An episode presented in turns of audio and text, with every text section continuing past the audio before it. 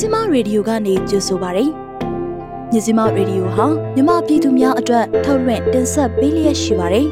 ။ကျမတို့ရဲ့မြစီမရေဒီယိုကိုနေ့စဉ်ည6နာရီခွဲမှည9နာရီခွဲထိလိုင်းဒိုမီတာ16မီတာစက္ကွန်တသမခွန်3မဂါဟက်ကနေပြီးတော့ဖမ်းယူနားဆင်နိုင်ပါပြီ။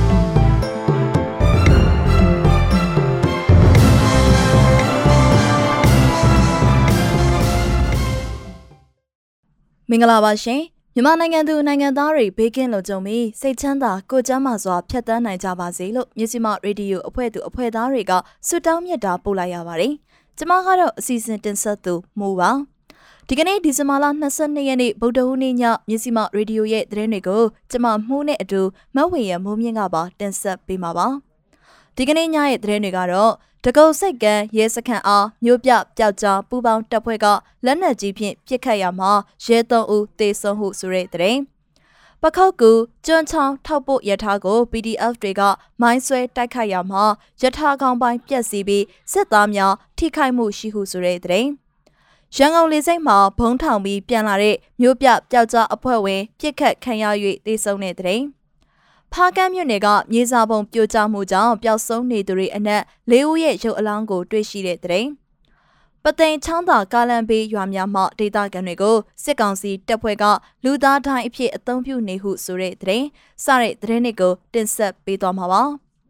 သတင်းတွေကိုတင်ဆက်ပေးလို့အပြီးမှာတော့စီးပွားရေးသတင်းတွေနိုင်ငံတကာသတင်းတွေနဲ့ Nature's Article အစီအစဉ် BNI အစီအစဉ်တွေကိုလည်းနားဆင်ကြရဖို့ရှိပါတယ်ရှင်။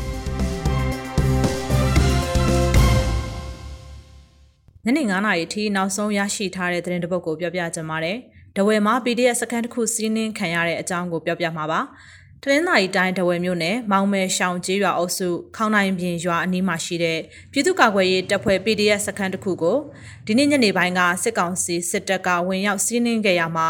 ခေါင်နိုင်ပြင်ရွာဒေသခံ200နီးပါးဘေးလွတ်ရာကိုထွက်ပြေးတိမ်းရှောင်နေကြရတယ်လို့ဒဝယ် Tiger Fort DTF အဖွဲ့ထံကနေသိရပါဗျ။ အဲ့ဒီကြီးရွာကိုစစ်ကောင်စီတပ်ဖွဲ့ဝင်အင်အား100နီးပါးနဲ့စစ်ကြောင်းထိုးလာတာဖြစ်ပြီးခေါင်နိုင်ပြင်ရွာနီးမှာရှိတဲ့ PDF စခန်းတစ်ခုကိုစီးနင်းကလက်နက်တချို့ကိုတင်စီသွားတယ်လို့ရွာသားတွေကပြောဆိုပေမဲ့မြေပြင် PDF စခန်းတာဝန်ရှိသူတွေနဲ့ဆက်သွယ်လို့မရနိုင်တာကြောင့်အတီးပြုတ်နိုင်ခြင်းမရှိသေးဘူးလို့ Dawei Tiger Fort DTF အဖွဲ့ကတာဝန်ရှိသူတဦးကပြောဆိုပါတယ်။ တိုက်ပွဲကတော့ညနေ6နာရီအချိန်လောက်ကစဖြစ်တယ်တိုက်ပွဲ3ချိန်လောက်အပြန်အလှန်ပစ်ခတ်မှုဖြစ်ပွားခဲ့ပါတယ်လို့ The Way Tiger Fort DDF အဖွဲ့ထံကတာဝန်ရှိသူကပြောဆိုပါတယ်အဆိုပါတိုက်ပွဲကြောင့်နှစ်ဖက်ထိခိုက်မှုရှိမရှိကိုမသိရသေးပေမဲ့ခေါင်နိုင်မြေရွာမှာရှိတဲ့ဒေသခံပြည်သူ200ကျော်ဟာဘေးလွတ်ရာကိုထွက်ပြေးတိမ်းရှောင်နေကြရတယ်လို့သိရပါတယ်။လောလောဆယ်တော့အခြေအနေတင်းမာနေသေးပါအသေးစိတ်ပြောဖို့အတွက်တပ်ဖွဲ့ဝင်တွေနဲ့ဆက်သွယ်လို့မရသေးပါဘူးလို့သူကဆက်လက်ပြောဆိုပါတယ်။ ဒဝဲတိုင်းက Fort DTF အဖွဲ့အနေနဲ့စစ်ကောင်စီတပ်တွေကိုပြန်လည်ခုခံဖို့မဟာမိတ်အဖွဲ့တွေနဲ့ပူးပေါင်းတိုက်ပွဲဝင်သွားမှာဖြစ်တယ်လို့ဆက်လက်ပြောဆိုပါရရှင်။ရန်ကုန်တိုင်းတကုံစိတ်ကမ်းမြို့နယ်ပဲခူးလမ်းမကြီးပေါ်ကတကုံစိတ်ကမ်းရဲစခန်းကိုလက်နက်ကြီးတွေနဲ့ပစ်ခတ်တိုက်ခိုက်ရမှာရဲသုံးတေဆုံးကြောင်းမြို့ပြပျောက်ကြားပူပေါင်းအဖွဲ့ကမြစ်စီမာကိုပြောပါရယ် ဒီဇင်ဘာလ22ရက်နေ့ဒီကနေ့မနက်6နာရီဝန်းကျင်အချိန်ကဒဂုံစိတ်ကမ်းရဲစခန်းကို CGF HDY နဲ့ရန်ကုန် Federal Army YFA ပူးပေါင်းအဖွဲ့တို့ကတိုက်ခိုက်ခဲ့တာဖြစ်ပါတယ်။ကျွန်တော်တို့ M79 40mm ဘုံသီးနှလုံးနဲ့ပစ်ခတ်တိုက်ခိုက်ခဲ့တယ်။ရဲ၃ယောက်လုံးသေတယ်။ စစ်တပ်ကတက်ဆွဲထားတာမျိုးတော့မရှိဘူး။ရဲတွေကြီးပဲရှိတာဗျံလွှားအောင်စစ်စင်ရေးရဲ့တစိမ့်တစ်ပိုင်းအနေနဲ့လုပ်တာပါလို့ Silver Gorilla Fox XDY အဖွဲ့တာဝန်ရှိသူကပြောပါတယ်။ဒီဇင်ဘာလ14ရက်နေ့က CGF HDY အဖွဲ့ဝင်တွေနဲ့တက်ခွဲကောင်းဆောင်အများအပြားဖမ်းဆီးခံရပြီးအသက်ဆုံးရှုံးမှုတွေရှိခဲ့ပေမဲ့ CGF HDY အနေနဲ့လှိုင်းသားရတမျိုးတွေကိုစားမပြုတ်ဘဲနဲ့ရန်ကုန်တမျိုးလုံးအတွက်ဆရာနာရှင်ကိုဆက်လက်တိုက်ခိုက်မယ်လို့ဆိုပါတယ်။ စစ်ကောင်စီတွေထိတယ်လို့တော့ကြားတယ်တေချာတော့မသိရဘူးရဲစခန်းပြစ်ခံရတာပါပြစ်ခတ်ခံရတာကျင်းသေးပါတယ်လို့တကုတ်စိတ်ကမ်းမှာနေထိုင်တဲ့သူတဦးကပြောပါတယ်ရန်ကုန်တိုင်းစစ်ဒေသခွဲကုတ်ကဲရေးအဖွဲ့ဗျံလောင်းအောင်စစ်စင်ရေးတစိမ့်တစ်ပိုင်းဖြစ်ပူပေါင်းတိုက်ခိုက်ခဲ့တာဖြစ်ပြီး PDF ရဲဘော်တွေထိခိုက်မှုမရှိဘဲအောင်မြင်စွာဆုတ်ခွာနိုင်ခဲ့ကြောင်းဆရာနာရှင်ကိုအမြင့်ပြတ်တဲ့အထိဆက်လက်တိုက်ခိုက်တယ်လို့ CGF HD1 ကထုတ်ပြန်ထားပါတယ် မကွေးတိုင်းပခုတ်ကူမျိုးကနေကျွန်းချောင်းဘက်ကစစ်ကောင်စီတပ်တွေကိုထောက်ပံ့ပို့ဆောင်ရတဲ့ရထားကိုမိုင်းဆွဲတိုက်ခိုက်ခဲ့ရမှာရထားခေါင်းပိုင်းပျက်စီးပြီးစစ်သားတွေထိခိုက်ဒဏ်ရာရရှိမှုရှိခဲ့တယ်လို့မြစ်ချေကျွန်းချောင်းပြည်သူ့ကာကွယ်ရေးတပ်ဖွဲ့ကဒီဇင်ဘာလ22ရက်နေ့ညပိုင်းမှာသတင်းထုတ်ပြန်ပါတယ်မနေ့မနက်၈နာရီခွဲချိန်ကပခုတ်ကူမြို့အနောက်ဘက်10မိုင်ကွာမှာရှိတဲ့နန်းတော်ရက်ကြီးရွာနဲ့ထမ်းမင်ကိုင်းကြီးရွာအကြားမှာ ထောက်ပို့ရထားကိုပြည်သူ့ကာကွယ်ရေးတပ်တွေကအဝေးထိန်မိုင်းလေးလုံးနဲ့ဖောက်ခွဲတိုက်ခိုက်ခဲ့ရမှာစစ်ကောင်စီတပ်သား9ဦးထပ်မံထိခိုက်ဒဏ်ရာရခဲ့ကြောင်းထုတ်ပြန်ချက်မှာဖော်ပြထားပါတယ်။ထောက်ဖို့ယထာအနေနဲ့အသွာလာလုံနေတာကြပြီပေါ့ကျွန်တော်တို့ကအဲ့ဒါကိုခွဲဖို့အစီအစဉ်ဆွဲထားတာပါအခုတော့ခွဲပစ်သွားပြီပေါ့ထိခိုက်ဒဏ်ရာရတယ်လို့တော့သိရပါတယ်အသေးအပြောက်တော့မသိရသေးဘူး ယထာခေါင်းပိုင်းပျက်စီးသွားတာနဲ့ကျွန်တော်တို့လည်းအမြန်ထွက်လာရတယ်သူတို့နယ်မြေဖြစ်နေတော့နောက်ပိုင်းဆက်ဖြစ်တဲ့အခြေအနေကိုမသိရသေးဘူးလို့ MCKC PDF ကသတင်းပြန်ကြားရေးတာဝန်ခံ G3 ကမြစည်းမကိုပြောပါတယ်။ဖောက်ခွဲတိုက်ခိုက်ခံရတဲ့ယထာဟာစစ်ကောင်စီတပ်တွေထံရိတ်ခါနဲ့လက်နက်ပစ္စည်းတွေထောက်ပံ့ပို့ဆောင်ပေးနေရတဲ့ယထာဖြစ်တယ်လို့သူကဆိုပါတယ်။အဆိုပါဖောက်ခွဲတိုက်ခိုက်မှုကို MCKC PDF နဲ့ ခောက်ကူမျိုးနယ်ပြည်သူ့ကာကွယ်ရေးတပ် PPDF အဖွဲ့မဟာမိတ်ညီနောင်ကပူးပေါင်းလှုပ်ဆောင်ခဲ့တာဖြစ်တယ်လို့သိရပါတယ်။ရန်ကုန်လေစိတ်အနီးဘုံထောင်ပြီးပြန်လာတဲ့ပျောက်ကြားအဖွဲ့ဝင်လူငယ်တအုပ်ကိုစစ်ကောင်စီတပ်တွေကပြစ်ခတ်ခဲ့တာကြောင့်ဒီဇင်ဘာလ22ရက်နေ့မနက်9နာရီကျော်ကတည်ဆုံခဲ့ပါတယ်။ ဒီဇင်ဘာလ22ရက်နေ့9နာရီကျော်အချိန်လောက်ကရန်ကုန်လေစိတ်အဝယ်မှာဘုံထောင်ပြီးပြန်လာတဲ့အသက်30ဝန်းကျင်အမျိုးသားတအုပ်စီးလာတဲ့ဆိုင်ကယ်ကိုလေစိတ်မီးပွားအနီးစစ်ကောင်စီတပ်သားတွေကတားဆီးခဲ့ပါတယ်။ဆိုင်ငယ်ကရမပေးတာကြောင့်လိုက်လံပစ်ခတ်ခဲ့ပြီးကိုမိုင်မီပွိုင်းအရောက်ကြီးစံမှန်ကနေရာမှာပဲတည်ဆုံးခဲ့ကြောင်းမျက်မြင်တွေ့တဲ့ဒေသခံတအုပ်ကပြောပါတယ်။ ရန်ကုန်လေးစိတ်မှာလူကြီးလမ်းကြောင်းကိုတွားပြီးတိုက်ခိုက်တဲ့အချိန်မှာကျသွားတာဗျတယောက်တည်းသွားချတာဟိုကလုံခြုံရေးတင်းကျပ်နေတာကိုတိတိရက်နဲ့ဗျကားနဲ့လိုက်ပစ်တာထိပြီးကျသွားတယ်လို့သိရပါတယ်ကျွန်တော်တို့လည်းထပ်တူပါပဲရဲဘော်တယောက်ကျသွားတာစိတ်ထဲမကောင်းဘူးအရန်နှမျောတယ်လို့နီးစက်အတိုင်းဝိုင်းကပြောပါတယ်ဒီဇင်ဘာလ22ရက်နေ့မှာလူကြီးလမ်းကြောင်းရှိတာမှန်ပေမဲ့အသေးစိတ်ကိုမသိရကြောင်းရန်ကုန်လေဆိပ်မှာတာဝန်ထမ်းဆောင်တဲ့သူတဦးကပြောပါတယ်။ ကိုမိုင်မီပွိုင်မှာဆိုင်ကယ်မောင်းပြေးတာကိုပြစ်လိုက်တာသူဟာသူဟွန်းကိုအတကုံတီးပြီးမောင်းပြေးတာအဲ့ဒါကိုပြစ်တက်လိုက်တယ်လို့သူကဆိုပါတယ်။ရန်ကုန်လေဆိပ်အနီးအပြန်လှန်ပစ်ခတ်မှုဖြစ်ပွားခဲ့သေးကြောင်းကနအူးသတင်းတွေထွက်ပေါ်ခဲ့ပေမဲ့အတီးပြုနိုင်ခြင်းတော့မရှိပါဘူး။ဖားကမ်းမြို့နယ်ကမြေစာပုံပြိုကျမှုကြောင့်ပျောက်ဆုံးနေသူများအနက်၄ဦးရဲ့ရုပ်အလောင်းတွေ့ရှိထားတဲ့အကြောင်းကိုပြောပြမှာပါ။ ဖားကမ်းမြို့နယ်ကမြေစာပုံပြိုကျမှုကြောင့်ပျောက်ဆုံးနေသူတွေအနက်ရုပ်လောင်း၄ခုကိုတွေ့ရှိထားရတဲ့အကြောင်းကိုပြောပြမှာပါ။ကချင်ပြည်နယ်ဖားကမ်းမြို့နယ်မှာပြီးခဲ့တဲ့ဒီဇင်ဘာလ19ရက်နေ့ကမြေစာပုံပြိုကျမှုကြောင့်ပျောက်ဆုံးနေသူတွေအနက်လေးဦးရဲ့ရုပ်အလောင်းကိုပြန်လည်ရှာဖွေတွေ့ရှိထားတယ်လို့ကဲဆယ်ရှာဖွေရေးဆောင်ရွက်နေတဲ့အဖွဲ့တာဝန်ရှိသူတဦးထံကနေသိရပါဗျ။ဒီဇင်ဘာလ19ရက်နေ့ကစတင်ပြီးတော့ဒီနေ့အထိ3ရက်တိုင်ရှာဖွေမှုတွေလုပ်ခဲ့ပြီးနောက် ဒီဇင်ဘာလ22ရက်နေ့ဒီနေ့မှာရှာဖွေတွေ့ရှိခဲ့ကြတာပါ။တွေ့ရှိထားတဲ့အလောင်းတွေကိုသူတို့မိသားစုကိုခေါ်ပြီးတော့အလောင်းတွေပြတ်အပ်ထားပြီးဖြစ်ပါတယ်လို့အမည်မဖော်လို့တဲ့ကဲဆယ်ရှာဖွေရေးအဖွဲ့တာဝန်ရှိသူကဆိုပါတယ်။ဒီဇင်ဘာလ19ရက်နေ့မနက်အစောပိုင်းကဖားကတ်မြို့နယ်မနက်မော်အတွင်းမှာရှိတဲ့နေမင်းလောက်ကွက်အဟောင်းမှာမြေစာပုံပြိုကျခဲ့ပြီးနောက်မှာရေမစေးသမားတွေပျောက်ဆုံးနေကြတာပါဒီနေ့ဒီဇင်ဘာလ22ရက်နေ့မနက်3နာရီအချိန်က မော်စီစာမှာရှိတဲ့လောက်ကွက်ဟောင်းတစ်ခုမှာလည်းမြေစာပုံပြိုကျခဲ့မှုဖြစ်ပွားခဲ့ပြီးတော့လူဦးရေတရာထက်မနည်းပျောက်ဆုံးနေတယ်လို့လည်းသိရပါတယ်ရှင်။အေယာရီတိုင်းပသိမ်မြို့နယ်ပသိမ်ချောင်းသာကားလမ်းဘေးမှာရှိတဲ့ကျေးရွာတွေကဒေသခံပြည်သူတွေကိုစစ်ကောင်စီတပ်တွေနဲ့ရဲတွေကဒီဇင်ဘာလပထမပတ်ကစတင်ပြီးပေါ်တာဆွဲကလူသားတိုင်းအဖြစ်အသုံးပြုနေကြောင်းဒေသခံတွေထံကနေသိရပါတယ်။ စစ်ကောင်စီတပ်နဲ့ရဲတွေကဥတိုကျေးရွာမြစ်ရှုကျေးရွာနဲ့စင်ကူတောင်ကျေးရွာတွေမှာဒေသခံပြည်သူတွေကိုတောနေရမှာစေခိုင်းဖို့ပေါ်တာဆွဲနေတာဖြစ်ပြီးတော့ချောင်းသာတောရဲကိုပေါ်တာဆွဲခံရရင်အ ਨੇ ဆုံး၄ရက်လောက်ကြာမှအင်ကိုပြန်လွှတ်ကြောင်းဒေသခံတအူးကပြောပါရယ် ရွာရီတဲကိုဝင်ပြီးတစ်ခါပေါ်တာဆွဲပြီးဆိုရင်အယောက်30ကျော်လောက်ဆွဲတယ်အဲ့ဒီအယောက်30ကျော်ကသူတို့ခိုင်းတာအကုန်လုပ်ရတယ်စားစရာတောက်စရာလဲကိုယ့်အိမ်ကပဲကိုယူသွားရတယ်တော်ရဲရောက်လို့ PDF တွေရှိနိုင်တဲ့နေရာဆိုရင်ပြည်သူတွေကိုရှေ့ကသွားခိုင်းတယ်၄ရက်လောက်ကြာမှသူတို့ပါလာတဲ့အယောက်30ကျော်ကိုအိမ်ပြန်ခိုင်းပြီးနောက်ထပ်အယောက်30ကျော်ကိုပေါ်တာထပ်ဆွဲတယ်ရွာဘက်ကလူတွေဆိုတော့တော်တော်စိုးရိမ်နေကြပြီလို့ဒေတာကန်ကပြောပါတယ်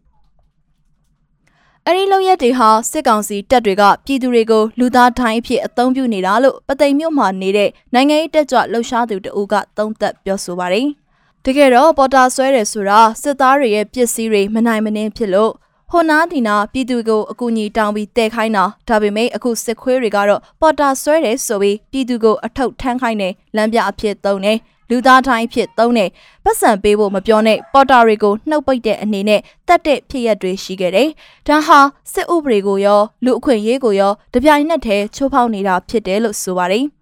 လက်ရှိအချိန်မှာစစ်ကောင်စီတပ်တွေနဲ့ရဲတွေကချောင်းသာပသိမ်ကားလမ်းဘေးမှာရှိတဲ့ကြေးရွာတွေမှာတက်ဆွဲထားတာချောင်းသာတောထဲမှာစခန်းချထားတာဒေသခံပြည်သူတွေကိုပေါ်တာဆွဲတာနဲ့အဲ့ဒီကားလမ်းဘေးဝဲရမှာကင်းမုံအများအပြားချထားတာကိုဆက်လက်ပြုလုပ်နေပြီးတော့စစ်လေရင်တွေဟာလည်းချောင်းသာတောအုပ်တွေအပေါ်မကြာခဏဆိုသလိုပြန်တန်းနေကြောင်းဒေသခံတွေကပြောပါတယ်တဝဲခရိုင်လောင်းလုံမြို့နယ်တောင်မင်းပြောင်ကြီးရွာမှာ ဒီဇင်ဘာလ20ရက်နေ့ကအသက်60ဝန်းကျင်အရွယ်အမျိုးသားတဦးပြစ်တက်ခံခဲ့ရပြီးတေဆုံးသွားခဲ့တယ်လို့သိရပါဗျ။တေဆုံးသူဦးသိန်းဝင်းဟာသူ့ရဲ့နေအပြင်ပမှာရှိနေချိန်ဆိုင်ကယ်နဲ့လူနှစ်ဦးကလာရောက်ပြစ်တက်သွားခဲ့တာဖြစ်တယ်လို့တောင်မင်းပြောင်ရွာသားတဦးကပြောပါတယ်။အခုတေသွားတဲ့သူကကလုံးထာရွာကပါတောင်မင်းပြောင်ကမဟုတ်ပါဘူး။ဒီမှာလာခိုနေရ3ရက်လောက်ရှိပြီလို့တောင်မင်းပြောင်ရွာသားတဦးကပြောပါတယ်။ အခုအသက်ခံရမှုဟာလူမှားပြီးအပြစ်ခံရတာဖြစ်နိုင်တယ်လို့ကလုံးထာရွာသားတဦးကထင်ကြီးပေးထားပါတယ်။ဘယ်အဖွဲ့ကလာရောက်ပြစ်ခတ်သွားတယ်ဆိုတာကိုတော့မသိရသေးပါဘူးရှင်။ ကရင်ပြည်နယ်ကော့ဂရိတ်မြို့နယ်ကော့နွဲ့ကျေးရွာကိုအင်အားတရာလောက်ပါတဲ့စစ်ကောင်စီတပ်တွေကဒီကနေ့ဒီဇင်ဘာလ22ရက်နေ့မနက်9:00နာရီခွဲအချိန်မှာဝင်ရောက်လာတာကြောင့်ကျေးရွာ300ကဒေသခံတွေထွက်ပြေးတိမ်းရှောင်နေရကြောင်း KNU တပ်မဟာ6ဒူးပလာခရိုင်ကသတင်းထုတ်ပြန်ထားပါတယ်။ ကရင်မျိုးသားအစည်းအရုံး KNU တပ်မဟာ6ထိန်းချုပ်နယ်မြေဖြစ်တဲ့ကော့ဂရိတ်မြို့နယ်မှာရှိတဲ့ကော့နယ်ကျေးရွာရွာသက်ကုန်းကျေးရွာနဲ့အန်ကလောင်ကျေးရွာမှာရှိတဲ့ဒေသခံပြည်သူအများအပြားထွက်ပြေးတိမ်းရှောင်နေရတယ်လို့ဒေသခံတအူးကပြောပါတယ်။ စစ်ကောင်စီတပ်သားတွေဝင်ရောက်လာတဲ့ကော့နစ်ကျွရမှာဒီဇင်ဘာလ22ရက်နေ့မနက်7:00နာရီခွဲအချိန်ကအာနာသိန်းစစ်ကောင်စီတပ်နဲ့ကရင်အမျိုးသားလွတ်မြောက်ရေးတပ်မတော် KNLA တပ်ရင်း18တပ်ရင်း29တို့အကြား15မိနစ်ခန့်ကြာတိုက်ပွဲဖြစ်ပွားခဲ့ပါသေးတယ်။မန္တလေးတိုင်းမတရားမြို့နယ်မှာဒီဇင်ဘာလ22ရက်နေ့မနေ့ညပိုင်းကတစ်ကားတစ်စီးကိုချောဆွဲပြီးလိုက်ပါလာတဲ့စစ်ကောင်စီလက်နက်ကင်တွေကိုမိုင်းဆွဲတိုက်ခိုက်ခဲ့တယ်လို့ ပြည်သူ့ကာကွယ်ရေးတပ်ဖွဲ့ပကဖမတရားဖွဲ့ထံကနေသိရပါဗျ။စစ်ကောင်စီတပ်သားတွေဟာရုံးမင်ရွာနဲ့မကြီးခံရွာဘက်ကလာတဲ့တစ်ကားကိုချောဆွဲလာတယ်လို့သတင်းရတာကြောင့်မိုင်းဆွဲတိုက်ခိုက်ခဲ့တာဖြစ်ပြီး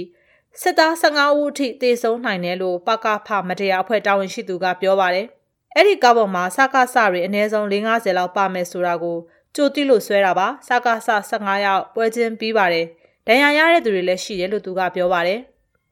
မတရားမြို့နယ်တပြေလကျေးရွာအနီးမှာတိုက်ခိုက်ခံခဲ့ရတာဖြစ်ပြီးတော့တစ်ကားကိုချောဆွဲလာတဲ့စစ်ကောင်စီလက်နက်ကင်တွေဟာရုံးမင်ရွာရဲကင်းစကန်စီးနင်းတိုက်ခိုက်ခံရခြင်းသူတို့မိသားစုဝင်တွေကိုထားပြီးတော့ထွက်ပြေးသွားကြသူတွေဖြစ်တယ်လို့လည်းသိရပါတယ်။ရဲကင်းမီးရှို့ခံရတဲ့ရုံးမင်ရွာဘက်ကနေပြန်လာတဲ့စစ်သားတွေမိုင်းထိတာပါ။တေတဲ့အလောင်းတွေဒဏ်ရာရတဲ့သူတွေကိုလူနာတင်ကားနဲ့တင်သွားတာတွေ့လိုက်ရတယ်လို့ဒေသခံတအုပ်ကပြောပါတယ်။ အဆိုပါတိုက်ခိုက်မှုကိုပါကဖမတရားကပြုလုပ်ခဲ့တာဖြစ်တယ်လို့သိရပြီးတော့အသေးစိတ်အချက်အလက်ကိုတော့သတင်းထုတ်ပြန်တာမရှိသေးပါဘူး။မန္တလေးတိုင်းမြုံးလင်ခရိုင်မတရားမြို့နယ်ရုံးမင်ရွာရဲကဲဟာဒီဇင်ဘာလ16ရက်နေ့မနက်တနာရီချိန်ကမီရှို့တိုက်ခိုက်ခံခဲ့ရတာပါ။အဲ့ဒီရဲကင်းကိုပြည်သူ့ကာကွယ်ရေးတပ်ဖွဲ့တွေကဝင်ရောက်တိုက်ခိုက်ခဲ့တာဖြစ်ပြီးတိုက်ခိုက်ခံရချိန်မှာစစ်ကောင်စီလက်နက်ကင်တွေဟာသူတို့မိသားစုဝင်တွေကိုခြံထားခဲ့ပြီးတော့ထွက်ပြေးသွားခဲ့တာဖြစ်တယ်လို့ဒေသခံတွေကပြောပါတယ်။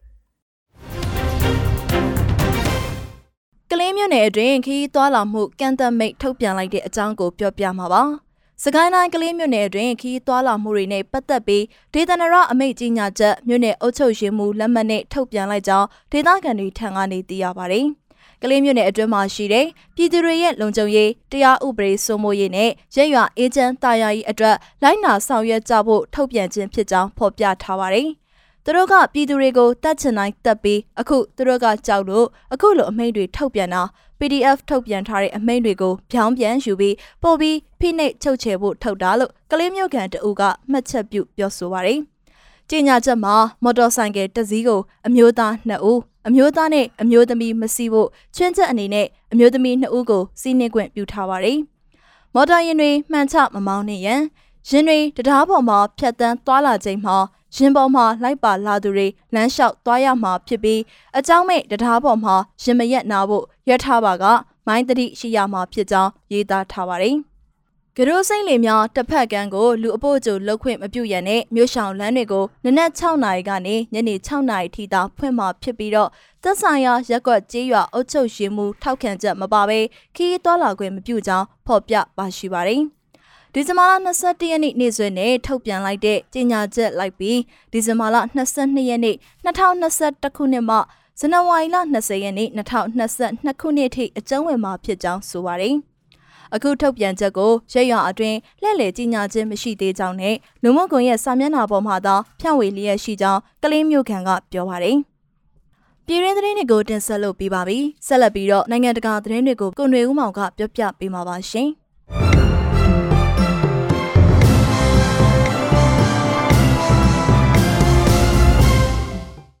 နိုင်ငံတကာအတိုင်ဝန်းကပိတ်ဆို့ထားတဲ့ဒေါ်လာဘီလီယံနဲ့ချီတဲ့ပိုင်ဆိုင်မှုတွေကိုပြန်ဖွင့်ပေးဖို့အာဖဂန်ပြည်သူ200လောက်ကကဘူးမှာဒီဇင်ဘာလ22ရက်အင်္ဂါနေ့ကခြေတက်ဆန္ဒပြခဲ့ကြပါတယ်။ဒါဟာကြီးမားတဲ့စီးပွားရေးအကျက်တဲကိုရင်ဆိုင်နေရချိန်မှာတာလီဘန်တွေကရှားရှားပါးပါးခွင့်ပြုပေးခဲ့တဲ့ဆန္ဒပြပွဲဖြစ်ပါတယ်။ ရခိုင်ကမြို့တော်မှာငင်းငယ်ရေးခြေတက်ပွဲတွေကိုဥဆောင်ခဲ့တဲ့အာဖဂန်ပြည်သူလှုပ်ရှားမှုလို့ခေါ်တဲ့အဖွဲ့တစ်ခုကစီစဉ်ခဲ့တာဖြစ်ပြီးအဆိုပါအင်္ဂါနေ့ဆန္ဒပြပွဲအတွင်းအမျိုးသမီးတွေမပါဝင်ခဲ့ပါဘူး။တာလီဘန်တွေဟာအလုတ်ကိုင်းတဲ့ပညာရေးအတွက်တောင်းဆိုနေတဲ့အမျိုးသမီးတွေရဲ့ဆန္ဒပြပွဲတွေကိုအပြင်းထန်ဖြိုခွင်းခဲ့ပြီးခွင့်ပြုချက်မရတဲ့ဆန္ဒပြပွဲတွေကိုဥပဒေမဲ့အဖြစ်တားမြစ်ထားပါတယ်။ အင်္ဂါနေ့ချီတက်ဆန္ဒပြပွဲကိုတော့အာဖဂန်နစ္စတန်နိုင်ငံကအုပ်ချုပ်သူအသစ်တွေကလိုလိုလားလားခွင့်ပြုခဲ့ကြောင်းပြသခဲ့ပြီးတာလီဘန်တွေရဲ့လူမှုမီဒီယာအကောင့်တွေမှာတင်တဲ့ဓာတ်ပုံနဲ့ဗီဒီယိုကလစ်အများပြားမှာတာမန်ပြည်သူတွေအတွက်တောင်းဆိုနေတဲ့ဆန္ဒပြပါဝင်သူတွေကိုဖော်ပြခဲ့ပါတယ်။ကျွန်တော်တို့ရဲ့အဓိကတောင်းဆိုချက်ကတော့ American အနေနဲ့ကျွန်တော်တို့ရဲ့ပိုင်ဆိုင်မှုတွေကိုအမြန်ဆုံးပြန်ပေးဖို့ပါပဲလို့စီစဉ်သူ Shafit Ahmed Yahimi က AFP ကိုပြောပြပါတယ်။ဒါကလူတူတယောက် အုပ်စုတစ်ခုဒါမှမဟုတ်အစိုးရတစ်ခုရဲ့ပိုင်ဆိုင်မှုတွေမဟုတ်ပါဘူးလို့၎င်းကဆိုပါတယ်။တာလီဘန်တွေရဲ့ဩဂုတ်လ15ရက်အာဏာရလာချိန်ကစလို့ သဘောထားတင်းမာတဲ့အစ္စလာမစ်တွေစီကိုရန်ပုံငွေတွေတိုက်ရိုက်ပေးအပ်ဖို့လုံးဝမနှိမ့်မြုပ်နိုင်တဲ့နိုင်ငံတကာအတိုင်းအဝိုင်းကဒေါ်လာ30ဘီလီယံနီးပါးပိုင်ဆိုင်မှုတွေကိုထိန်းချုပ်ထားလိုက်ပါတယ်။ဒါပေမဲ့နိုင်ငံဟာကြီးမားတဲ့လူသားချင်းစာနာမှုဆိုင်ရာအကျက်တဲကိုရင်ဆိုင်နေရပြီးလူဦးရေ38တန်းရဲ့ထက်ဝက်ကျော်ဟာယခုစောင်းရသည့်အတွင်းငတ်မွတ်မှုနဲ့ရင်ဆိုင်နေရတယ်လို့ကုလသမဂ္ဂကပြောကြားခဲ့ပါတယ်။ အနောက်နိုင်ငံတွေကတာလီဘန်အနေနဲ့အထူးသဖြင့်အမျိုးသမီးတွေအလုတ်လုတ်ခွင့်နဲ့မိန်းကလေးငယ်တွေကြောင်းတက်ခွင့်အပါအဝင်လူအခွင့်အရေးတွေကိုလေးစားလိုက်နာလာစေရေးအတွက်ရန်ပုံငွေတွေကိုထိန်းချုပ်ထားခဲ့တာဖြစ်ပါတယ်။အဖွဲ့ဝင်58နိုင်ငံပါဝင်တဲ့အစ္စလာမစ်ပူးပေါင်းဆောင်ရွက်ရေးအဖွဲ့ OIC ကပါကစ္စတန်မှာဆွေးနွေးခဲ့ကြပြီးအာဖဂန်နစ္စတန်ကိုအကူအညီတွေပေးနိုင်ရေးအတွက်နီလန်သစ်တွေရှာဖွေဖို့သဘောတူခဲ့ကြပြီးတဲ့နောက် နှစ်ရက်အကြာအင်္ဂါနေ့မှာအခုလိုခြေတက်ဆန္ဒပြမှုတွေထွက်ပေါ်လာခဲ့တာဖြစ်ပါတယ်။တာလီဘန်တွေပြန်လည်ရောက်ရှိလာပြီးတဲ့နောက်ပိုင်းဆယ်စုနှစ်နဲ့ချီပြီးဖြစ်ပွားခဲ့တဲ့စစ်ပွဲတွေကြောင့်ယိုယွင်းနေတဲ့တိုင်းပြည်စီးပွားရေးဟာဘုံဘုံလဲသွားခဲ့ပါတယ်။ဘန်တွေဟာပုဂ္ဂလိကအနံသူတွေရဲ့ငွေထုတ်ယူမှုအပေါ်တင်းကျပ်စွာကန့်သက်ထားပြီးမြို့တော်မှာရှိတဲ့လူအများပြားဟာမိမိတို့မိသားစုစားစရာအတွက်အိမ်ရှိပစ္စည်းတွေကိုထုတ်ရောင်းနေကြရပါတယ်။ မိမိပိုင်မြေပေါ်ကဖိအားပေးရိုက်နှက်မောင်းထုတ်ခြင်း ငွေကြေးလှည့်ပြားသိမ်းယူခြင်းတွေအပြင်ထောင်သွင်းအကျဉ်းချခြင်းတွေကိုပါခန်းစားနေကြရတဲ့တရုတ်လယ်သမားတွေဟာနိုင်ငံရဲ့စိမ့်လန်းတဲ့စွမ်းရည်ကဏ္ဍမြင့်တင်ဖို့အာဏာပိုင်တွေရဲ့အလန်းကျဲတဲ့အလျင်စလိုခြေလန်းတွေအောက်မှာမြေစာပင်တွေအဖြစ်ကြီးကြီးမားမားပေးဆက်နေကြရပါတယ်။လာမယ့်ဆောင်းရာသီအိုလံပစ်ပွဲတော်2022ဟာတမိုင်းမှာလေနဲ့နေအောင်ကြီးစွမ်းရည်ကိုပဲလုံးဝအသုံးပြုမဲ့ပထမဆုံးအားကစားပြိုင်ပွဲဖြစ်လာစေဖို့တရုတ်ကကတိပြုထားပြီးစွမ်းဆောင်ရည်မြင့်တင်ဖို့အတွက်အဆောက်အဦအများအပြားကိုတည်ဆောက်ခဲ့ပါတယ်။ ဒါပေမဲ့ဒီလုပ်ငန်းစဉ်မှာတာမန်ပြည်သူတွေအနေနဲ့မြေယာများသိမ်းယူခံရကြောင်းတက်ကြွလှုပ်ရှားသူတွေကသတိပေးထားပါတယ်။ဘေကျင်းမြို့အနီးရှိရွာကလေးတရွာမှာနေထိုင်တဲ့လောင်းမိသားစုက၎င်းတို့စိုက်ပျိုးမြေထက်ဝက်ကျော်ကိုအနီးနားကဆိုလာကုမ္ပဏီတစ်ခုလက်ထဲဆုံးရှုံးသွားခဲ့ရပြီးယခုအခါမိသားစုဝင်ငွေအလွန်နှဲပါတဲ့အတွက်စောင်းရသည့်အနှွေးတက်ရဖို့ဇပခွန်နဲ့ပလတ်စတစ်အိတ်တွေကိုမီးရှို့ပြီးလှုံနေရတယ်လို့ဆိုပါတယ်။ အဲ့ဒီလျှက်စစ်ကုမ္ပဏီကမြေယာကို25နှစ်အငှားချခိုင်းပြီးတစ်နှစ်ကိုငှားကယွမ်တစ်ထောင်လောက်ပဲပေးမယ်ပြောကြောင်းလယ်သမားလောင်းကဆိုပြီးဆုံးရှုံးသွားတဲ့လေအေက660ကွန်စတူယန်မီတာခန့်ရှိကြောင်းတရုတ်အတိုင်းအတာနဲ့ပြောပြပါတယ်။ အဲ့ဒီမြေပေါ်မှာပြောင်းကျဲထားရင်တော့အဲ့ဒီထက်နှစ်ဆမကရတယ်။အခုတော့မြေမရှိတဲ့စည်ရင်ကအဖြစ်နေစားလုပ်နေရတယ်လို့၎င်းကဆိုပါတယ်။တရုတ်နိုင်ငံဟာကမ္ဘာအကြီးဆုံးလေတာပိုင်တွေနဲ့ဆိုလာပြားတွေထုတ်လုပ်တဲ့နိုင်ငံဖြစ်ပြီးဆောင်းရာသီအိုလံပစ်ပွဲတော်ဟာကမ္ဘာဈေးကွက်ရှာဖွေမှုအတွက်နိုင်ငံရဲ့အစိမ်းအောင်စွမ်းရည်နည်းပညာကိုပြသဖို့အခွင့်အလမ်းတစ်ခုအဖြစ်ရှုမြင်ထားပါတယ်။အားကစားပွဲအတွက်အဆက်မပြတ်လျှက်စစ်ဓာတ်အားပံ့ပိုးပေးရေးနဲ့တရုတ်မြို့တော်အတွင်းမှာစောင်းကာလမီးကုန်းမျိုးတွေကင်းစင်စေဖို့အတွက်ဘေကျင်းဟာ ကက်လျက် heavy ပြည်နယ်မှာပြည်ဖြိုးမြဲစွမ်းအင် project အဖြစ်အေယာမဓာတ်အားပေးစက်ရုံတစ်ခုတည်ဆောက်ခဲ့ပါတယ်။အဆိုပါစက်ရုံကနေနှစ်စဉ်စိမ့်လန်းစွမ်းအင်လျှက်စစ်ဓာတ်အားကီလိုဝက်နာရီ14ဘီလီယံထုတ်လုပ်ပေးနိုင်ပြီးဒီပမာဏဟာဆလိုဗေးနီးယားရဲ့စွမ်းအင်သုံးစွဲမှုနဲ့ညီမျှပါတယ်။ဒါပေမဲ့လောင်းတဲ့သူ့အိမ်နီးချင်းဖီတို့လိုလယ်သမားတွေအတွက်တော့စိမ့်လန်းစွမ်းအင်တိုးမြင့်မှုက သူတို့ရဲ့ဘဝတွေကိုပုံမှုအန္တရာယ်များပြီးခက်ခဲစေခဲ့ပါတယ်။၎င်းတို့ကိုစာချုပ်တွေချုပ်ဆိုဖို့ဖိအားများပေးခဲ့ကြောင်းရွာသားတွေက AFP ကိုစာချုပ်တွေထုတ်ပြခဲ့ကြပြီးနိုင်ငံမှာအကြီးဆုံးစွမ်းအင်ကုမ္ပဏီ၅ခုတည်းကတစ်ခုဖြစ်တဲ့ SPIC ကတည်ဆောက်တဲ့ဆိုလာပန်းခြံအတွင်း၎င်းတို့မြေတွေကိုအငှားချခဲ့ရတယ်လို့ဆိုပါတယ်။ချိုးဆိုဖို့သဘောမတူသူတွေကိုရဲတွေကရိုက်နှက်ခဲ့တာကြောင့်တချို့မှာဆေးရုံတင်ထားရပြီးတချို့ကတော့ဖမ်းဆီးထိန်းသိမ်းခံထားရကြောင်း၎င်းတို့ကဆိုပါတယ်။ ဂျာမနီမိသားစုဝန်ကြီးဟောင်း Franziska Giffey ဟာအိမ်ငန်းကတွေမြင့်တက်လာနေတဲ့မြို့တော်မှာအိမ်အသစ်တွေစောက်လုပ်မှုမြင့်တင်ဆောင်ရွက်မဲ့အစီအစဉ်တစ်ခုနဲ့ဘာလင်မြို့တော်ဝင်အဖြစ်ဒီဇင်ဘာလ22ရက်အင်္ဂါနေ့ကရွေးချယ်တင်မြှောက်ခံခဲ့ရပါတယ်။ အန်ဂျလာမာကယ်ရဲ့2018ကနေ2021ခုနှစ်ကြားညွန့်ပေါင်းအစိုးရမှာတာဝန်ထမ်းဆောင်ခဲ့တဲ့ Social Democratic Giffey ဟာပြီးခဲ့တဲ့ဆယ်စုနှစ်နှစ်ခုအတွင်း SPD ထိန်းချုပ်မှုအောက်ကဘာလင်ကိုဥဆောင်ခွင့်ရလာတဲ့ပထမဆုံးအမျိုးသမီးဖြစ်ပါတယ်။ဘာလင်ရဲ့ပါလီမန်လွှတ်တော်အတွင်းမြို့တော်ဝင်အတွက်မဲပေးရွေးချယ်ခဲ့ရမှာ Giffey ဟာထောက်ခံမဲ84မဲကန့်ကွက်မဲ52မဲနဲ့ကြားနေမဲ2မဲဖြင့်အနိုင်ရရှိခဲ့ပါတယ်။ သူမရဲ့ပါတီဟာစက်တင်ဘာလ26ရက်ကဒေသဆိုင်ရာရွေးကောက်ပွဲတွေမှာပထမဆုံးပန်းဝင်ခဲ့ပြီးအထွေထွေရွေးကောက်ပွဲတွေမှာလည်းထိတ်ဆုံးကဥဆောင်နိုင်ခဲ့တဲ့ Social Democrat များအတွက်မင်္ဂလာရှိတဲ့ညမှာ Oles Shows ကိုအဓိပတိအသစ်ဖြစ်လာစေခဲ့ပါတယ်။အသက်43နှစ်အရွယ် Givi ဟာလက်ဝဲစွန်းလင့်ကာပါတီနဲ့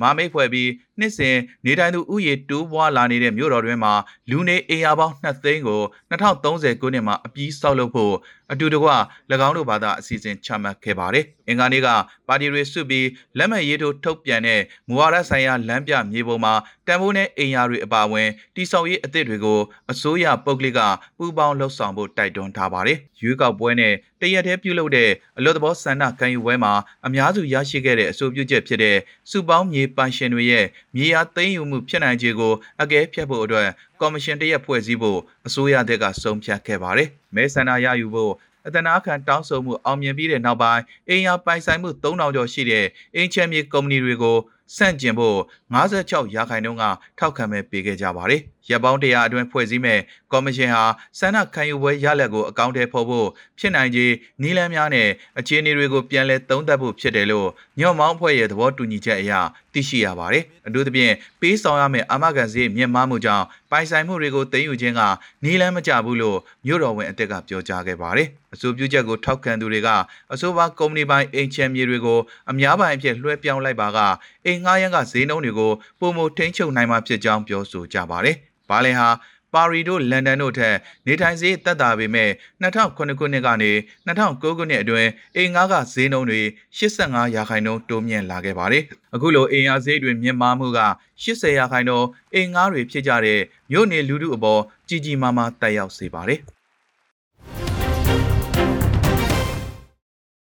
ရုရှားနိုင်ငံရဲ့ဒီဇယ်အင်ဂျင်နဲ့ခုတ်မောင်းတဲ့နောက်ဆုံးတော့ရင်ငုတ်သင်္ဘောတဲ့ Petro Pavlov Kamchatsky ကနေ ကာလီဘာခရုစ်ဒုံးကြီးစမ်းသက်ပစ်ခတ်တဲ့ရုပ်သံကိုရုရှားကာကွယ်ရေးဝန်ကြီးဌာနကတရားဝင်ထုတ်ပြန်လိုက်ပါတယ်။ဝန်ကြီးဌာနရဲ့အဆိုအရအဆိုပါရင်ငုတ်သင်္ဘောဟာပြီးခဲ့တဲ့တလမပြည့်ခင်ကမှရုရှားရဲ့ Pacific ဒေသစစ်သင်္ဘောအုပ်စုအခြေစိုက်စခန်းကိုရောက်ရှိလာခဲ့တာဖြစ်ပါတယ်။ Petro Pavlov Kamchatsky ဟာ Pacific စစ်သင်္ဘောအုပ်စုမှာတိကျမှုမြင့်မားတဲ့ကာလီဘာခရုစ်ဒုံးကြီးတွေတင်ဆောင်နိုင်တဲ့ဒီဇယ်လောင်စာနဲ့ရင်းငုတ်သင်္ဘောတွေတဲကတစင်းဖြစ်တယ်လို့ဆိုပါတယ်။ ရွေလျားစစ်ကစားရင်းကနေရေအောက်ကပြစ်လွှတ်လိုက်တဲ့ကာလီဘာဒုံးကြီးဟာကီလိုမီတာ1000ကျော်အကွာမှာရှိတဲ့ကဲယိုရန်ဘော်ကပြစ်မှတ်ကိုတိတိကျကျထိမှန်ခဲ့တယ်လို့ရုရှားအာဏာပိုင်တွေကဆိုပါတယ်။နှစ်ဖက်အပြန်အလှန်စကားစစ်ထိုးနေချိန်ယူကရိန်းအရေးအတွက်အနောက်နိုင်ငံတွေရဲ့မိတ်ဆွေမပီသားတဲ့လုပ်ရက်တွေကိုတုံ့ပြန်တဲ့အနေနဲ့စစ်ရေးအဆင့်မြင့်တင်မှုတွေလှုံ့ဆော်မှုပြင်ဆင်ထားကြောင်းရုရှားသမ္မတဗလာဒီမီယာပူတင်ကဒီဇင်ဘာလ